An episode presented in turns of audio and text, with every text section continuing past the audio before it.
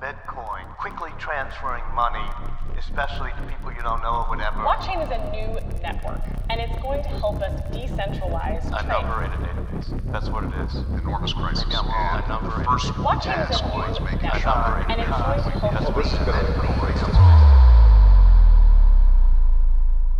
Du lytter til Kryptopia, en podcast om kryptovaluta.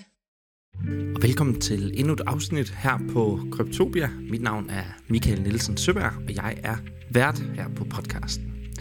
I dag der skal du høre et interview med chefredaktør Simon Richard Nielsen. Han er chefredaktør på Euroinvestor, og han var for et par måneder siden i God Aften Live for at snakke omkring kryptovalutaer, primært Dogecoin, men også for at tale lidt omkring, hvad er kryptovaluta egentlig. Det stillede en masse spørgsmål i mit hoved. Jeg inviterede Simon ind til et interview, og han sagde gudskelov ja. Sammen med mig i dag, der har jeg mine gæster Frida og Jimmy fra det tidligere afsnit. Men jeg har altså også Peter med, som kommer med i næste afsnit, hvor vi taler omkring, hvad er blockchain. Vi optager afsnittet lige om lidt, og jeg kan allerede nu sige, det skal du virkelig glæde dig til. I dag, da jeg sidder og optager det her, der er den, den 20. juni klokken kvart over 4, og en bitcoin koster altså 34.118 dollars. Du kan få en Ethereum til 2.088 dollars. Du kan få en Binance Coin til 317 dollars og en Cardano til 1 dollar og 34. Den sidste, der ligger der, fordi jeg ser ikke tættere, altså USDT, som en vi behøver at tale prisen om. Men den sidste, det er altså Dogecoin, som så vil være nummer 5. Og der kan du få en Dogecoin for 0,26 dollars. Men før vi går i gang, så vil jeg selvfølgelig endnu en gang gøre det meget klart for alle, at hverken jeg eller mine medværter er finansielle rådgiver, og vi tillader os jo at tale 100% ud fra vores egne og subjektive holdninger og erfaringer. Det er derfor meget vigtigt, at hvis du ønsker at investere i kryptovaluta, så husk altid Fridas fire vise ord. Det man plejer at sige for kryptospacet, do your own research. Det her er interviewet med chefredaktør på Euroinvestor Simon Richard Nielsen. God fornøjelse. A number in a database. That's what it is. Og velkommen tilbage til endnu en small talk her på Kryptopia. Mit navn er Michael Nielsen Søberg, og med mig i dag har jeg Jimmy heroppe på min højre side. Under Jimmy der sidder Peter. Under, øh, undskyld, ved siden af Peter sidder Frida. Og til venstre for mig, der har jeg Simon Richard Nielsen, chefredaktør på Euroinvestor. Først og fremmest, tusind tak, fordi du vil være med, øh, Simon. Det er jeg virkelig, virkelig glad for. Jeg har jo set dig tilbage på News, hvor du sad med finans i lang tid. Så der er også øh, altså lidt i, i mig, der siger, at det er faktisk lidt stort, jeg har dig med her. Så tusind tak, fordi at du vil være med i et interview her. Det, det, er en, det er en stor fornøjelse for mig også. Det er Tak skal du absolut gensidigt. For folk, der ikke lige har, har oplevet den her podcast først, så tager lige, vi tager lige en kort præsentationsrunde omkring, øh, hvem vi er. Jimmy, vil du, øh, vil du lægge ud med den? Jamen, det kan jeg godt. Jamen, som sagt, så, så hedder jeg Jimmy, og øhm, jamen, jeg har arbejdet med, med krypto siden øh, slut midt 2010, og, øh, og har sådan efterhånden været igennem, tror jeg, alle de processer, man ligesom kan inden for krypto. Det har både været mining og staking og, og investering af øh, købe bitcoin, sælge lidt og, og, øh, og ligesom finde ud af, hvordan det hele det fungerer. Øh, og i dag, der sidder jeg sådan mere som en rådgivende part i forskellige øh, fintech-virksomheder og kryptovirksomheder, hvor at, øh, at jeg rådgiver omkring øh, blockchain-infrastruktur, øh, tokenomics og, øh, og hele, hele den, den mulighed, der ligesom er i DeFi og CeFi-space omkring det her med, at man kan, man, man kan tjene renter, og man kan låne ud og, og så videre. Så, videre. så, så generelt rådgivende øh, rolle i krypto. Super. Jeg sender bolden ned til dig, Peter. Jamen tak. Jamen altså, jeg har også været i krypto i, i snart 10 år, og det har været i, i forskellige organisationer. Øh, den største og, og ligesom ballasten i det, jeg har lavet, det er jo om New York City Bitcoin Center, hvor jeg sad og hjalp dem med deres kommercialisering, så når de havde alle deres øh, nye projekter, så prøvede vi at, at se, hvad for noget skal vi ligesom satse på. Og det, det har været en spændende rejse. Øh, det, som vi ligesom leverede, der var mest succesfuldt, det var Zap.org, som var med til at være et af de aller, aller første projekter, der fokuserede på orakler til, til smarte kontrakter på Ethereum.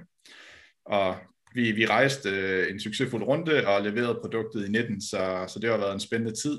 Og så siden der har jeg så bygget min egen kodeskole, og, hvor vi ligesom lærer unge mennesker i blockchain, samtidig med, at jeg så er kommet hjem til Danmark her, og nu sidder med Arise, vores danske øh, blockchain virksomhed. Og det har også været super spændende og, og mega, mega, mega fedt. Så det er det, mega fedt. Tak. Frida? Uh, mit navn er Frida, og uh, jeg har været i kryptospace i snart et lille års tid. Og uh, blandt andet så arbejder jeg som selvstændig branddesigner, hvor jeg for eksempel uh, hjælper Simon Nielsen fra Better Trades med udarbejdelse af materiale til hans uh, crypto trading kursus, samtidig med at jeg også selv sidder og trader ude på sidelinjen. Øhm, og jeg, har, jeg er jo super passioneret og, og, omkring krypto, kryptospacet, så jeg ved bare, at det er den her vej, jeg skal gå i forhold til de næste 10 år.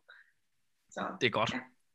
Det er, og, og vi kender jer jo lidt fra, i hvert fald uh, Jimmy og Frida her fra episode 1, og vores første small talk og så videre. Peter, det er, det er lige første gang, vi har dig med, og, og du kommer med i vores blockchain-afsnit øh, her lige om lidt, så, så også tusind tak, fordi du vil være med. Men nu drejer mit fokus altså lige over til, til dig, Simon her. Du er chefredaktør på uh, Euroinvestor. Hvordan går det hos jer? Jeg kan forstå, at I har lidt en, en covid-situation, I, I døjer med lige nu. Ja, det er sådan rent lokalt i et par dage, mm. så er der et par stykker, der er i isolation. Men ellers på Jørgen så går det sådan set uh, helt forrygende. Uh, altså, vi er jo et uh, finansmedie, som, uh, som nyder godt af den her gryende, boomende investorkultur, som er dukket op i, i Danmark. Og det er jo både krypto, og, uh, men i høj grad drevet af, af, af alle de nye investorer, som kommer ind på, på aktiemarkedet. Ja, lige præcis. Så virkelig en positiv udvikling for, for Euroinvestor lige i ja. øjeblikket. Det er da dejligt at høre. Og jeg skal måske lige sige, at jeg har aldrig været i, i krypto øh, spacet. Øh, jeg, øh, jeg har interesseret mig for, for finansielle forhold og penge nærmest siden jeg var dreng. Altså elskede alle brætspil, bare der var pengesedler ombord. Øh, og øh, så er jeg uddannet kant polit og har arbejdet i 22 år med øh, primært sådan, altså, som, som formidler, men også rådgiver. Øh, jeg havde syv år, hvor jeg rådgav øh, nogle af de, de helt store kapitalforvaltere, både i Danmark og i øh, udlandet. Øh, så det der, du nævnte, at jeg har været på news, jeg havde sådan tre år, altså det, var, det er ligesom parentesen i min karriere. Jeg tror, jeg fik en 40 års krise, og så skulle jeg prøve at være på, på Ja, okay. Sådan kan man også uh, deal med sin 40 års krise jo. Vælge at sidde på news i... Uh... ja, men news, de ringer bare her om, uh, om små 15 år. Det, det, jeg, jeg sidder klar. Nå, øh, Simon, jeg har jo lidt spørgsmål til dig, jeg gerne vil starte med at, at stille dig her. Og den første, det er sådan lidt mere afklarende spørgsmål i forhold til, hvor, hvor ligger du henne i forhold til fiat, altså almindelig valuta som dollar, euro og kroner osv., og, og så altså kryptovaluta som ja, Bitcoin, Ethereum og så videre. Øhm, og jeg har skrevet første spørgsmål ned her, som hedder, øh, nogen ser jo det her som en ideologi og andre ser det jo som, som ren spekulation. Hvor er, er du henne der? Altså, hvor, hvad er kryptovaluta for dig? Jeg, jeg tror faktisk, jeg ser det som, som begge dele. Altså, det, der, der er både ideologi og, øh, og spekulation i det. Øh, hvis, hvis, altså, hvis du, altså, nu er det ikke, jeg skal ødelægge præmissen på dit spørgsmål. Nej, nej. Øh, fordi, fordi altså, altså, altså kryptovaluta, øh, vil jeg godt lige understrege, det er ikke sådan, at jeg har noget imod det. Jeg synes faktisk, det er, det er ret genialt og, og der er i den grad brug for, at der, der, der er nogen, der udfordrer øh, den sådan, øh, etablerede, altså, det etablerede finansielle system. Øh, der hvor, altså hvis du tænker på sådan, traditionelle valuta versus øh, bitcoin, jeg synes også, det er super svært at sammenligne de to størrelser, fordi altså, hvis vi skal tage bitcoin alvorligt, så må man sige, at vi er jo nærmest øh, på, på, på stadie 0 øh, lige nu i forhold til den pengemængde, som kan måles op i euro eller dollar og, og, og så videre. Jeg ved godt, at man taler meget om markedsværdien af bitcoin og forskellige kryptovalutaer, men, men, men i forhold til transaktioner, penge i omløb, samlet pengemængde, øh, så, så, så, så er altså, kryptospacet stadigvæk ja det var også bare mere for at få afklaret, hvor du ligger henne. Altså, du, du er jo mere tilhænger af, af fiat-delen, end du er tilhænger af kryptovaluta. Det var sådan set bare lige det, jeg ville afklare. Men, men du, det, det er ligesom, om du spørger mig, om, om hvad jeg bedst kan lide, AP Møller eller DSV. Altså, jeg er ikke, jeg er, jeg, altså, jeg er ikke følelsesmæssigt tilhænger af hverken det ene okay. eller det, det andet. Bare i orden.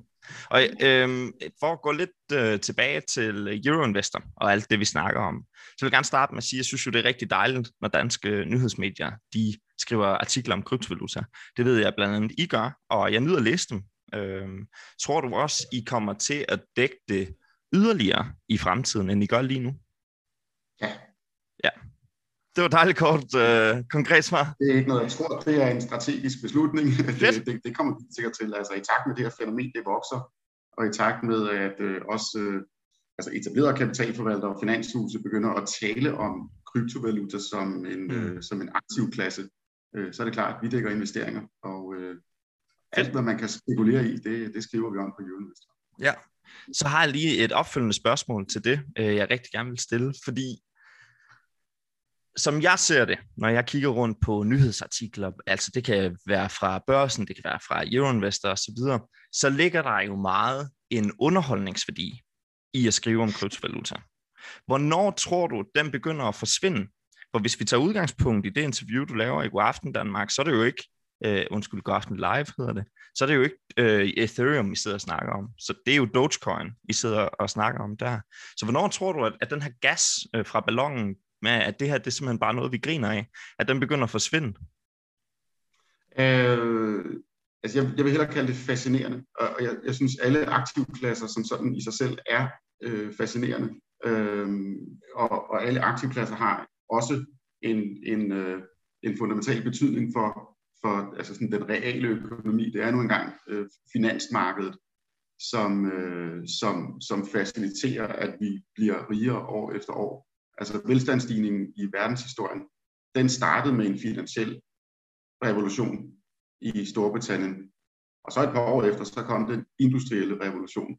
Øhm, så det, det er lidt sådan, jeg, altså, men, men det er klart, som finansmedie, så skriver vi rigtig meget om de store op- og nedture, og altså, det underholdende i, at der er noget, der, der stiger helt vildt, eller falder helt mm. vildt, det, det er klart, der er noget fascination, og så forsøger vi selvfølgelig som journalister at finde forklaringer på, om, om det er det ene eller øh, det andet.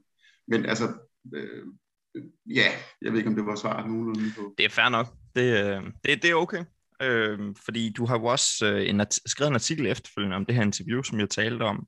Øh, en artikel, hvor du har modtaget øh, hadbeskeder efter dit interview i, øh, i Go After Live. Den skal vi jo også vende lige kort. Øh, for det første, not cool by the way, til jer derude, der sidder og har sendt hadbeskeder. Det vil jeg gerne kraftigt slå en streg over, at det, det, det går aldrig nogensinde ind for, at, at man gør. Fordi øh, den, men, men den artikel, eller det er, jo, det er jo nærmere en kommentar, du skriver, den øh, synes jeg faktisk var meget ærlig og personlig. Øh, jeg genlæste den lige i går, bare lige for at være, være 100% up to date her, og synes faktisk, den er, den er meget velformuleret og virkelig godt skrevet. Øh, men hvis vi lige går tilbage til det her interview, du laver i God Aften Live, så sidder I på et tidspunkt og snakker om, at hele det her marked inden for krypto, det er, det er meget kaotisk. Og lige nu, som kryptomarkedet ser ud, så kan jeg jo egentlig godt se din pointe. Men øh, vil du prøve at forklare lidt mere om, hvorfor du mener, at kryptomarkedet er meget kaotisk sådan generelt? Det, det er faktisk fordi, mit udgangspunkt er, okay, lad os tage kryptovaluta alvorligt. Og så lad os behandle kryptovaluta, som vi behandler andre aktivklasser. Om det så er råvaremarkedet, øh, aktiemarkedet og det her enormt virvar af forskellige obligationer, som, som også findes. Så der ligesom, hvis vi bare tager aktiemarkedet, det er jo et marked, som er øh, helt ekstremt reguleret i virkeligheden. Jeg ved godt, at man taler om børserne som den, den rå kapitalisme, øh, men, men hvad der ikke findes af regler for, hvad kapitalforvaltere skal, må hvad analytikerne må, hvad aktiehandlere må. Øh, det, det, altså jeg tror ikke, folk er klar over, hvor reguleret det er, og hvor, og hvor, øh, hvor, man sige, hvor gennemsigtige transaktioner egentlig er. Øh, altså, hvis man køber en aktie, så, så, så, så bliver det simpelthen registreret i tinglysningsbogen, øh, at, øh, at man ejer det her, og så gælder den bredt ejendomsret, og så hvis du køber en aktie, jamen så har du, Michael Nielsen, papir på, at du ejer en lille bitte del af, af egenkapitalen i for eksempel øh, Novo Nordisk, eller hvad det nu er. Mm-hmm. Og, og der er øh, hele krypto, og det er jo hele ideen med det for pokker, ikke? Altså det er jo den decentraliserede, det er jo de her ledgers, altså, hvor alle kan se transaktionsrækkefølgen osv.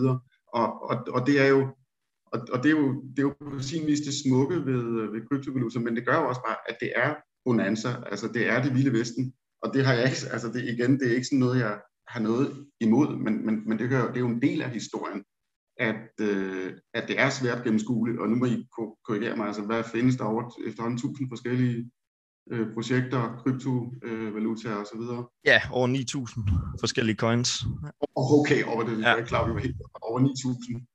Øhm, og, og alle siger jo, ja, at... det var sidste uge. Okay, så, men altså, om, så, så hvis vi siger, at altså vi taler om kryptovaluta, som, som enten har to egenskaber, det kan være sådan store value, altså en måde, man kan opbevare sin kapital på, som ikke er øh, penge i banken, så siger man så, er det, er det, er det guld øh, 2.0, eller er det et betalingsmiddel. Øh, uanset om man tager den ene eller den anden betragtning, så er det logik, at der selvfølgelig ikke i verdensøkonomien kan rummes 9.000 forskellige øh, nye øh, betalingsmidler øh, eller nye måder at, øh, at, at, at, at have store value, som skulle være, hvorfor kan der ikke det, samme egenskaber som guld. Hvor, hvor, hvorfor kan vi ikke have 9.000 forskellige coins? Øh, for, fordi altså hvis, hvis, hvis lad os sige bitcoin, hvis, det, hvis nu er det den største, altså hvis den virkelig skal slå igennem som et anerkendt betalingsmiddel, så kræver det de her netværkseffekter, øh, som skal være mange gange større end det, som de er i dag. Øh, altså det er jo, lad os nu se det i øjnene, det er jo ikke et brugbart betalingsmiddel. Øh, jeg er med på, at der er forskellige steder, hvor man kan anvende bitcoins til det ene og det andet, men det er jo uden sammenligning, øh, øh hvor, hvor, hvor, hvor udbredt dollar, euro, kroner koblet op på et kreditkort øh, er. Øh, det, altså, jeg har aldrig taget et eller andet sted hen og gået ned og købt en isvaffel øh, med en bitcoin. Jeg ved ikke, om, altså, hvor hen i verden det skulle kunne lade sig gøre. Ja, det kan du jo faktisk øh, sagtens. Altså Crypto.com og Binance, de, de leverer jo faktisk Visa-kort, som du kan købe, øh, eller undskyld få, og så altså, kan du betale med de bitcoins eller Ethereum, som, som du simpelthen har inde på din Binance-konto, for eksempel.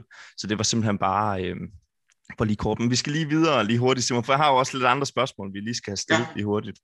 Øhm, fordi du siger nemlig også i god aften uh, live, at I dækker jo kryptovaluta meget på Euroinvestor, og du siger faktisk, jeg elsker det. Det er jo dejligt at høre. Øh, men alligevel så fortæller du jo stort set bagefter, at der ikke ligger nogen værdi bag kryptovaluta, og at det aldrig bliver et betalingsmiddel. Det har vi jo været lidt inde på her. Øh, men lige efter det ligesom bliver nævnt, så, så nævner du en ting, som faktisk Øhm, ja, jeg vil næsten sige, det vendte næsten lige min mave en lille smule, da jeg hørte dig sige det. Du, du kaldte Nej. simpelthen for kryptovaluta for et pyramidespil, Simon. Og det, det, ble, det har jeg simpelthen glædet mig til, lige siden jeg så det, og, og vi fik det her interview igennem. Det, bliver, det, det, det har jeg simpelthen tænkt, det bliver simpelthen nødt til at høre. Hvad er det, øh, sammenligningsgrundlaget er for pyramidespil og kryptovaluta? Altså, det, det lyder måske hårdere, end, end, end det er ment. Jeg vil gerne stå ved mine ord. Altså, øh, et, et pyramidespil, det er jo bare øh, et... Øh, altså, hvis man ser det på det som økonom, så er det jo en, en, et, et lukket økonomisk system, som er afhængig af, at der, kommer, at der hele tiden kommer nye til, ellers bliver der ikke genereret noget øh, indre værdi, altså som vi kender Nej. det fra en, en virksomhed, som har patenter, rettigheder og produkter, kan udvikle, har nogle kunder, så sælger det det, og så bliver der skabt værdi øh, af, af den vej rundt. Du, altså, øh, jeg vil sige det samme om, om guld øh, eller, eller dollar. Altså, det har også karakter af at være et pyramidespil. Altså, hvis, hvis, vi som, hvis vi som menneske, hvis 9 milliarder mennesker på jordkloden beslutter sig for, det der guld, skulle ikke helt vildt med det alligevel, jamen så er guld nul værd. Altså, mm. øh, der, der, der bliver ikke skabt noget ved en guldbar. Der bliver heller ikke skabt noget ved, ved, ved, ved, ved dollar. Altså nu sidder jeg faktisk med en dollar her. Det er vildt et stykke papir, som er ingenting værd. Det er kun noget værd, fordi der er ikke noget sted på jordkloden, hvor folk ikke anerkender, at det her, det er en dollar værd. Det er penge værd. Jeg kan købe noget for det. Og, og, og, og derfor så, og det er modsat sådan traditionelle finansielle aktiver, der taler man øh, om, der, der findes aktier, der findes ejendomme, der findes obligationer. Der er dybest set kun tre, som er sådan, det, det, det som, altså hvis man, hvis man virkelig skal være hardcore og sige, hvad, hvad er så et finansielt aktiv, og hvor kan man investere, så kan man investere, investere tre steder. Resten, jamen det har jo en eller anden form for pyramidespil, eller, eller øh, ja, altså det, det, det, det, det kræver, at der hele tiden er flere, der, der tror på det. Og det, er jo, og det er jo den værdi, som så også skulle være i en kryptovaluta. Det er jo de der netværkseffekter. Når jeg så siger, at der ikke er nogen værdi alligevel, så er det fordi, jeg er meget kritisk overfor, nu, når I nævner, at der er 9.000 øh, forskellige, det, det er jo ekstremt svært at finde den der nål i, i, i høstakken, som skulle kunne øh, måle sig mod, øh, mod gængse valutaer. Og så min sidste pointe, det er, i det øjeblik, at, at nu tager jeg bare bitcoin igen, fordi det er den største, og det er den, der er, er mest udbredt. Ja, det er helt okay. I det øjeblik, i det øjeblik, at den virkelig begynder at fylde i, uh, i nationaløkonomien, altså at man begynder at, op, altså at opgøre, nu siger du, at man kan bruge den til at købe is med alle mulige steder, altså varer, tjenester, produktion, uh, udbetalt løn i bitcoins, at der bliver uh, kredit i bitcoin, altså kan jeg optage uh, et, uh, et billån i, uh, i bitcoin. I det øjeblik, så er jeg 100% sikker på, at, at så bliver det reguleret lige så vel som den her er øh, ja. reguleret i, øh, altså så, så kommer der nogen, der skal verificere transaktioner og... Og, ved du hvad Simon, undskyld, jeg afbryder dig. Altså, så, øhm, altså, ja, undskyld, ja. Nej, øh, det er jeg ked af, men det, det er faktisk fordi mit næste spørgsmål, det, og det er også det sidste, jeg har her, øh, så lægger vi bolden over til alle andre. Men det handler faktisk lige præcis omkring det, du, du sidder og taler om her, og det er derfor, jeg lige valgte at afbryde dig. Fordi at I taler nemlig også om værdien i kryptovaluta, og der bliver blandt andet sagt, lige præcis som du selv siger her, skulle det gå hen og blive rigtig stort, så vil myndigheder, Finanstilsynet og Nationalbanken regulere det. Og så forsvinder hele fidusen. Hvordan tænker du, man kan gå ind og regulere på et decentraliseret marked? Det, det, det, det, øhm, det, det, det kan jeg ikke lige helt forstå. Altså, øh, ret nemt. Øh, 90 mandater i Folketinget, vedtage en lov, øh, alle andre valutaer end kroner er forbudt. Du må ikke købe, øh, du må ikke bruge det til noget som helst. Du må ikke sende penge til naboen, som ikke er i øh, danske kroner. Øh, det, det, det er altså suverænt lande selv, som har, øh, som ligesom har råderetten over egen valuta. Jeg tror, den eneste grund til, at man ikke går hårdere til det her marked, end man har gjort hidtil, det, det er fordi, det fylder altså så lidt af BNP. Men i det øjeblik, at bitcoin fylder 10% af dansk BNP, øh, så, så begynder øh, Nationalbanken og, og staten, regeringen, ligesom at miste en stor del af kontrollen med dansk økonomi. Så når man ikke er enig i, i valutaen, så, så må vi, altså så regulerer vi det, så nedlukker vi det, simpelthen ligesom de gør i Kina, eller hvordan? Ja, det er mit bud. Absolut. Okay. Der, bliver, der bliver lukket for det. Og, men, men prøv at det, og det er jo ikke det samme som at sige, at kryptovaluta, den underliggende blockchain-teknologi, den ikke er genial, for det er den. Men i det øjeblik, at der findes en, en, en kryptodollar, som er udstedt af den amerikanske centralbank, øh, så er bitcoin øh, stort set ubrugelig. Okay. Wow, den, det var lige en uh, hård en at, at, at, at slutte af på. Nej, men ved du hvad, vi har øh, meget dygtige folk, der er klar til at udfordre den. Øh. så ved I hvad, jeg sender, øh, jeg sender lige bolden videre her, Jimmy. Jeg tænker, jeg sender lige til at starte med over til dig. Hvad, hvad tænker du om det, du, du sidder og hører her? Øhm, altså grundlæggende er jeg jo ikke uenig med, med, med Simons øh, fortolkning af det og holdning til det. Øh, fordi det er klart, altså hvis vi lige tager den aller, aller sidste del og ligesom starter der, øh, så vil jeg give dem ret i, at, at hvis det første er sådan, at bitcoin eller generelt krypto bliver så, øh, så dominerende, at, at det lige pludselig afspejler et eller andet form for værdi i vores samfund, øh, især inden for økonomi og sådan noget, så vil der komme reguleringer. og det, det skal der også gøre, fordi så kan man sige, så lige pludselig går det ind og, og påvirker øh, lande og verden og økonomi og alle mulige ting. Øhm, det er jeg egentlig ikke sådan super bekymret for, fordi jeg, så, jeg ser sådan mere, altså nu, nu snakker vi godt nok meget bitcoin og alle de her forskellige, øh, men jeg ser egentlig sådan mere krypto, øh, eller digitale assets, eller øh, lad os kalde det smarte penge, øh, som fremtiden, frem for at vi ligesom kigger på de her 9 eller 10, jeg tror faktisk, der er 10.000 øh, forskellige tokens. Der er også mange, der ikke er listet nu, så er der nogen, der er øh, coins, og nogen, der er tokens, og nogen, der er øh, NFT, og nogen, der er, og så videre, så videre.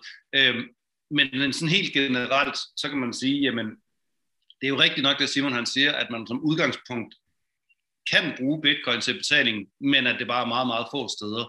Øh, og hvor du var inde, Michael, omkring det der med, at der findes jo Crypto.com, der har lavet et kort, der findes øh, WireX, og der findes, øh, altså der findes utallige øh, løsninger, hvor at man via det, hvad kan man sige, det traditionelle øh, pengesystem kan konvertere bitcoin til en, en betalingsmiddel, som så bruges via et, et betalingskort.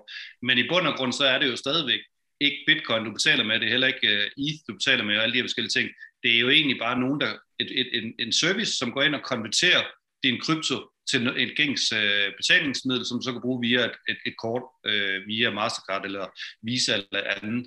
Øh, så man kan sige, den del ser jeg ikke sådan, som, som, som noget revolutionerende eller interessant og sådan noget. Jeg ser det som en, en, en, en hvad kan man sige, en, et sted, vi skal igennem for at komme ind til at bruge virkelig krypto op mod krypto. Altså forstået på den måde, at jeg har en wallet på min uh, iPhone, og så sidder det nede i Zimbabwe, som har sin wallet på hans Nokia, eller hvad det nu er, øhm, eller smartphone, iPhone, eller et eller andet, øhm, og at jeg så kan sende penge direkte til ham via en service, en ydelse, eller et eller andet, som, eller et produkt, som jeg køber af ham. Du lytter til Kryptopia, en podcast om kryptovaluta.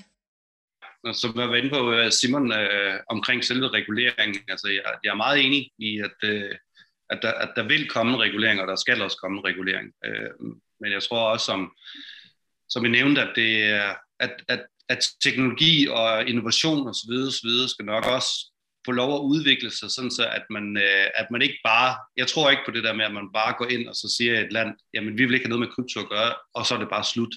Øh, det tror jeg stadigvæk ikke, at, øh, at, at vil blive muligt, eftersom der findes jo decentrale systemer, som, som er fuldstændig uafhængige af regeringer og politik og lov og alle mulige ting. Men hvis vi også skal kigge på det her med, at det gerne skulle blive øh, masse adoption, og vi gerne skulle ind over, at, at, at, øh, at, at vi rent faktisk skal bruge det, også i den virkelige verden og daglig alle de forskellige ting, jamen så kræver det selvfølgelig, at der, at der kommer nogle reguleringer, men det kræver også, at vi stadigvæk skal udvikle rigtig, rigtig meget på det område. Vi er, vi er stadigvæk i kravlegården. Og, øh, og det tror jeg også, man kigger på i forbindelse med selve transaktionshastighed og alle de her forskellige ting. Det er stadigvæk nyt, det er stadigvæk noget, vi tester på, det ned, men det er også noget, der hele tiden bliver udviklet. Og vi ser jo de her nye kryptovalutaer og, og, øh, og projekter, som, som, som popper op hele tiden.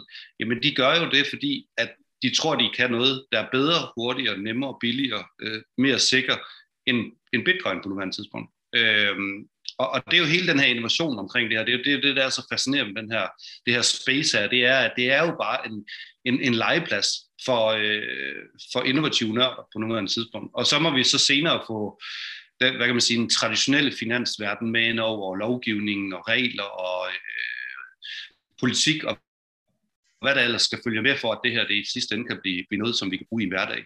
Øh, så som udgangspunkt er meget enig med dig, Simon, øh, men jeg synes, det er lidt firkantet. Øh, øh, så, øh, men ja. Hvis jeg lige skyder bolden øh, videre til Frida her, så øh, vil jeg egentlig gerne høre, hvad tænker du om det, du hører fra, fra herren herovre? Jamen, øh, jeg er også til dels enig med, med Simon og Jimmy. Øhm, jeg mener også, at, at Simon er lidt firkantet, måske også lidt uh, old school i, i sin tankegang i forhold til, uh, til sin forståelse.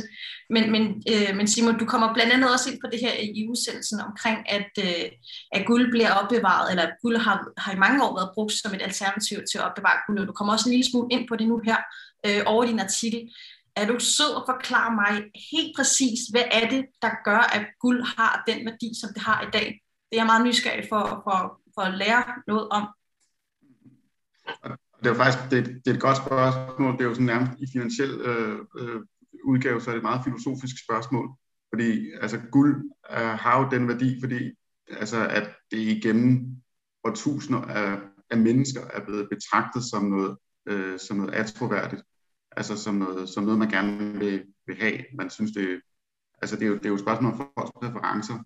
Øh, og der er milliarder af mennesker. Jeg ved godt, at vi ikke sådan går super meget op i de moderne samfund som i Danmark, men men, men, men klode rundt bliver, altså, bliver guld betragtet som, det gør det jo også i Danmark, altså, altså se smykker, øh, guldsmykker er stadigvæk, øh, øh, altså har højere værdi end, end sølvsmykker.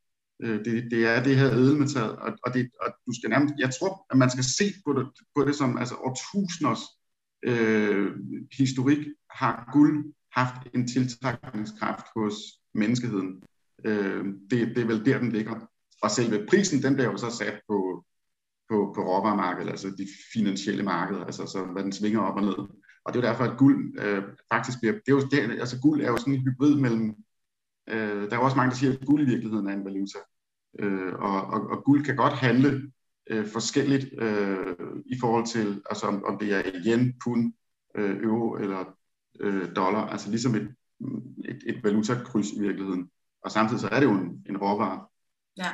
Grund til, at jeg spørger, grund til at spørge, Simon, det er fordi, at jeg, jeg følte lidt, at da jeg da jeg ser den her udsendelse i God Aften Live, øh, og samtidig læser din artikel, så jeg føler ikke helt, at jeg, jeg lærer noget andet end i forhold til det. Jeg ved for eksempel, at, at guld bliver, øh, guld bliver, at guld har den værdi, det har, som, som du selv siger, det, man kan bruge det til at pynte, pynte med, men man kan ikke spise det, man kan ikke, man kan, du kan ikke bruge det til at varme det med, og det bliver brugt til en smule elektronik, øhm, og så resten af guldet, det bliver opbevaret i vores rundt forskellige steder i verden.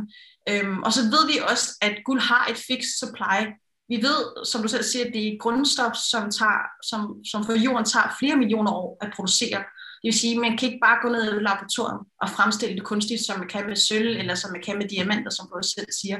Øhm, og så i og med, at, at øh, vi ved cirka, hvor meget der bliver gravet op øh, og, og, og jorden hver, hver år, så, så det er lige præcis det, der gør, at guld har den værdi, det har, fordi der er et fixed supply.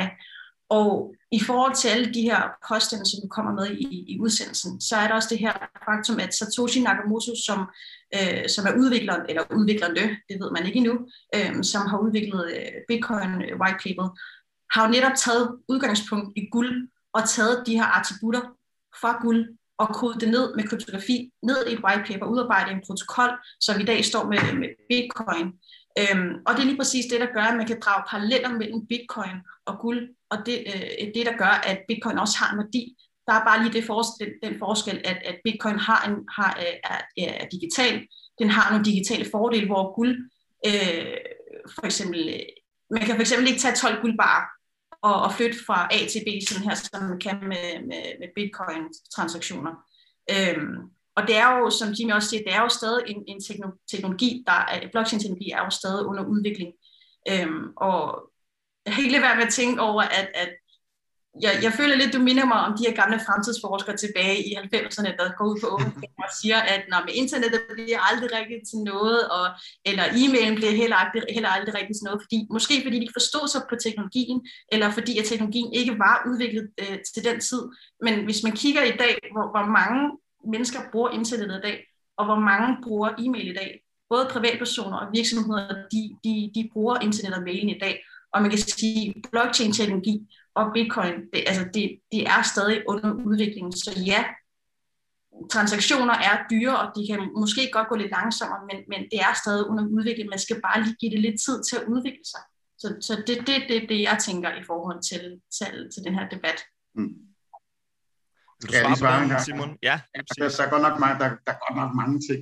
Ja. øh, men jeg vil godt, jeg vil godt gentage, øh, øh, ideen bag kryptovaluta, blockchain-teknologien, øh, den er genial. Jeg kan ikke sige det nok øh, gange. Det, det, er, det, er, det er fantastisk, at det er blevet opfundet, og jeg tror, det kommer til at være en udbredelse i alle mulige ting. Nu sidder vi lige og taler om, om valuta, men altså inden for transport, shipping, whatever, hver gang, at der kommer en tredje mand, en stat og en tinglysning og skal, skal godkende et eller andet, for, så, så, for at alle er sikre på, at det er sådan, at den her transaktion den er. Det er jo genialt, at det er decentralt, og alle er enige om, sådan er det, fordi sådan er det bare.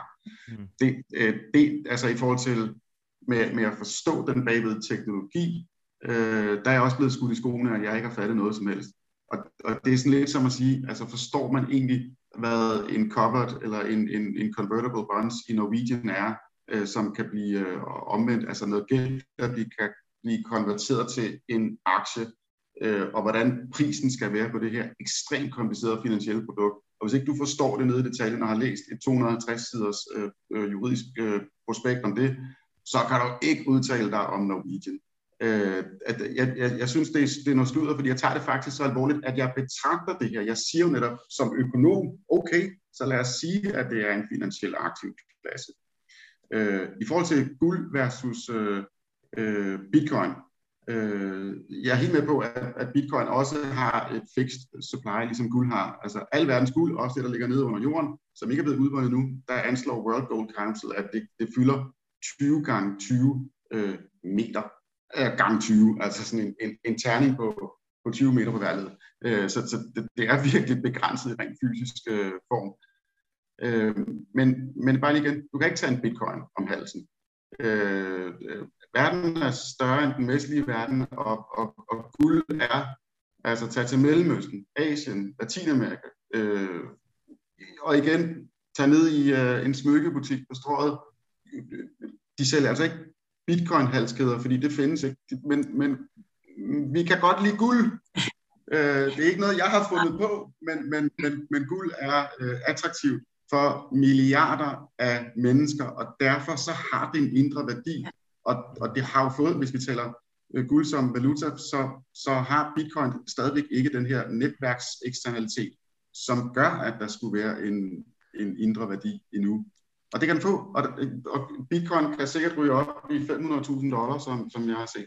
Det er meget muligt. Øh, jeg, jeg, jeg siger hverken det ene eller andet. Der er også det, at der er også det faktum, at uh, både Bitcoin og andre uh, kryptoprojekter, de har, den, de har rent faktisk en use case, vi løser i verden. Um, nu er det selvfølgelig uheldigt, at, at, at uh, TV2 går aften live, de tager udgangspunkt i Dogecoin, som er den værste shitcoin, man kan tage udgangspunkt i. den er så hyped.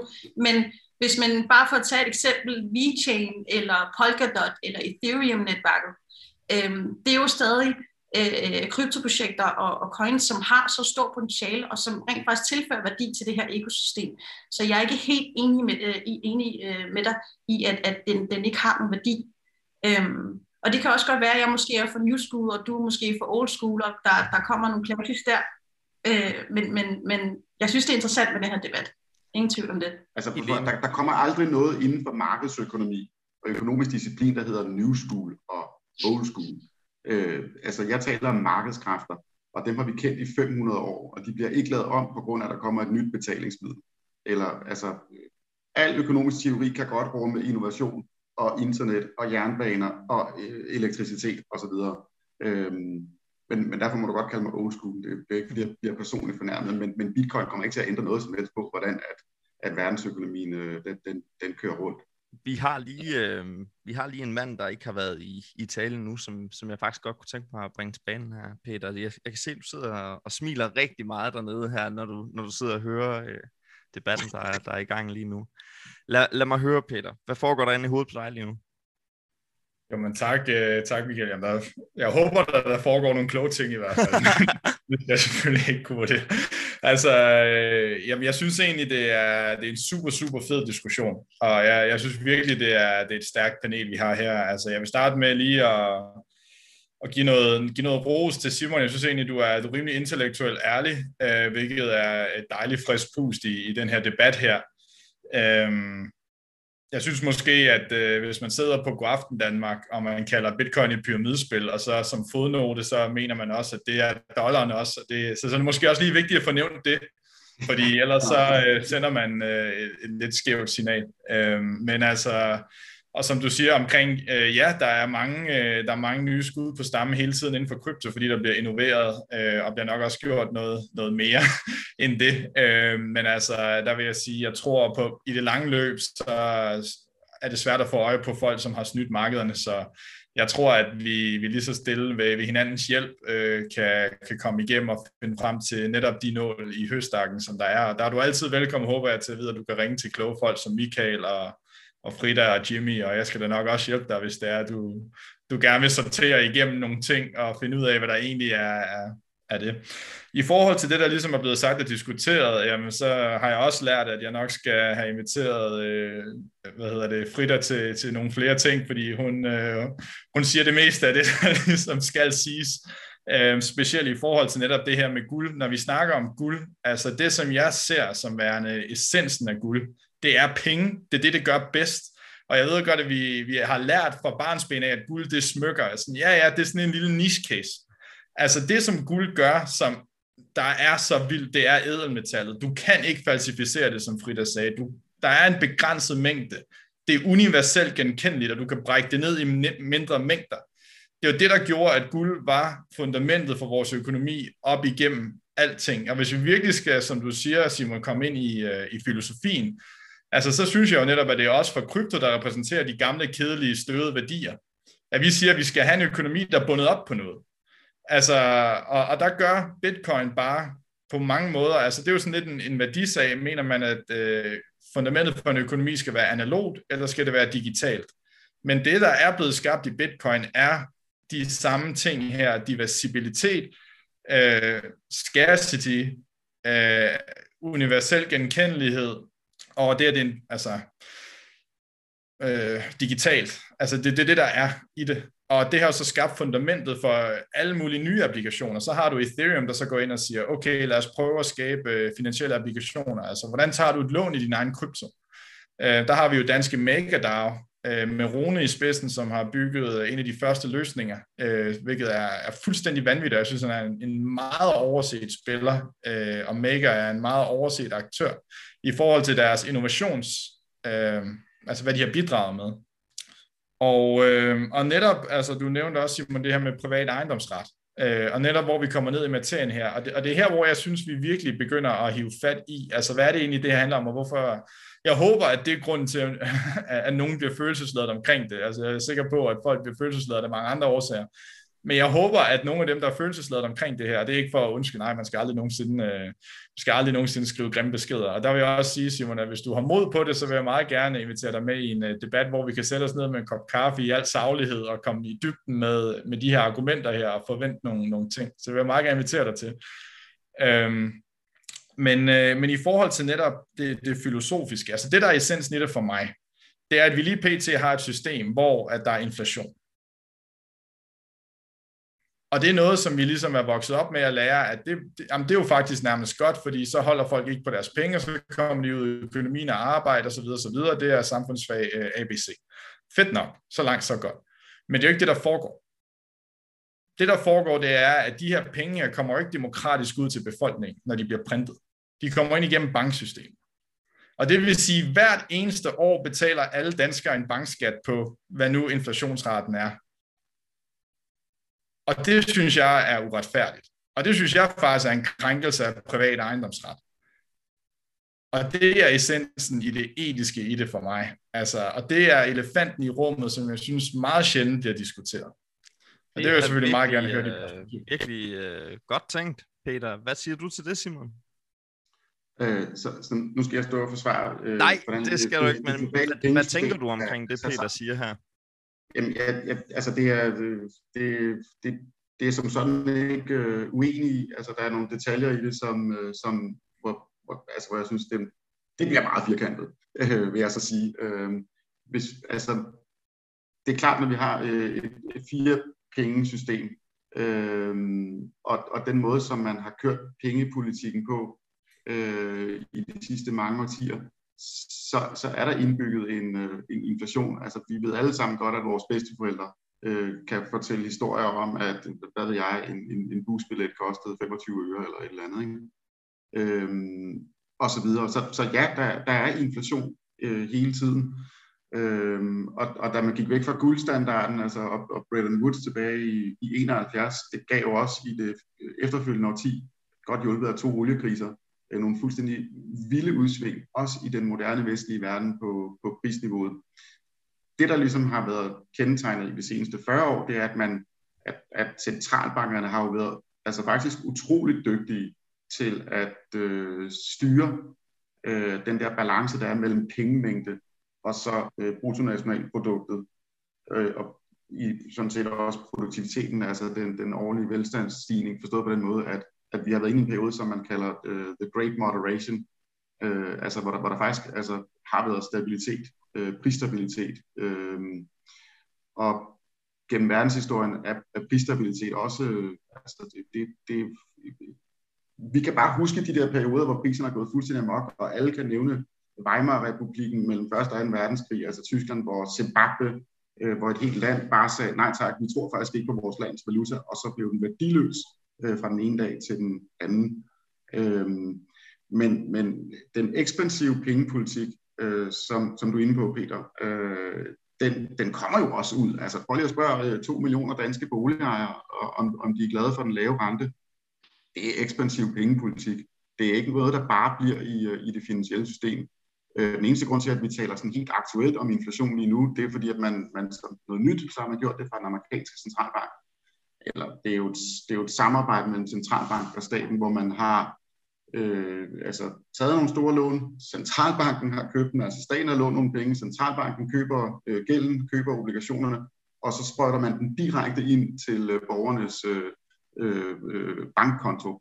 Øh, det er nyt, øh, og det kan godt skabe, øh, det er jo det, der som nogen siger, vil skabe voldsomt høj øh, inflation i den kommende tid, og måske også bare inflation men det er jo en centralbankfejl i, de øje, i, i det tilfælde. Øh, det er jo ikke som sådan pengesystemet. Øh, i, altså, øh, man har jo forstået, at centralbanker øh, skal være helt uafhængige fra det politiske system.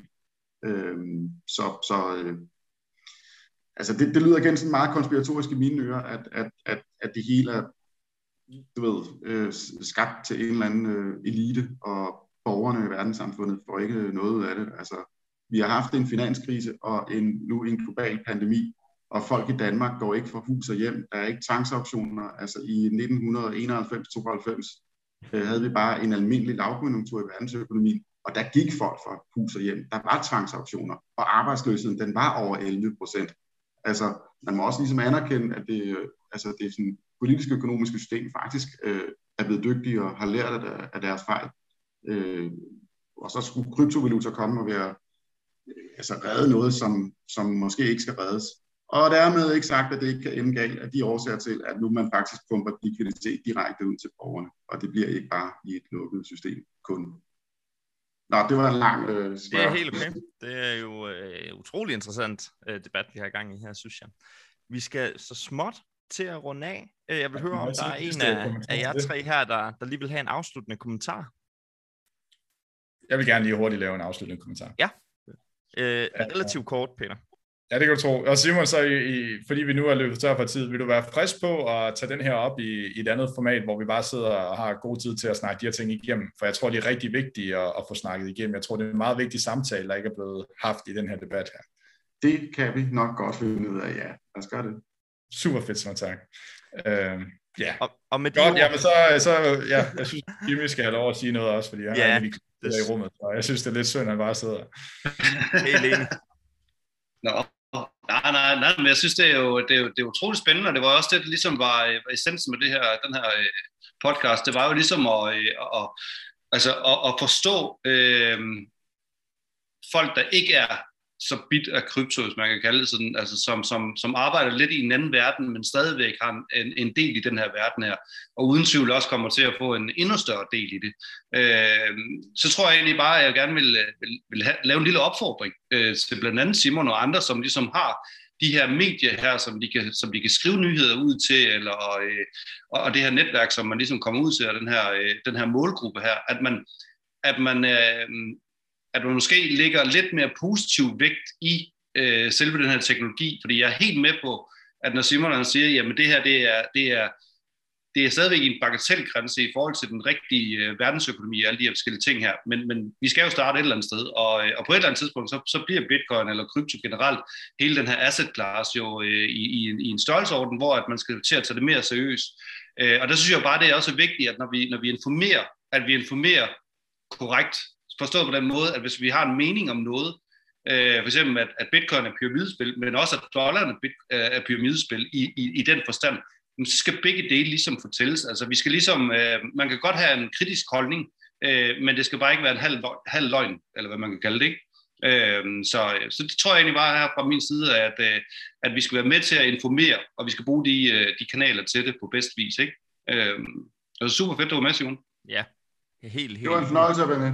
Virkelig, og tusind tak. Øh, altså stor respekt, Simon, for at komme herind i, i Pro Kryptoforum og, og stå til stå skoleret, vil jeg næsten sige. Det har været øh, utrolig interessant at, at have dig med her.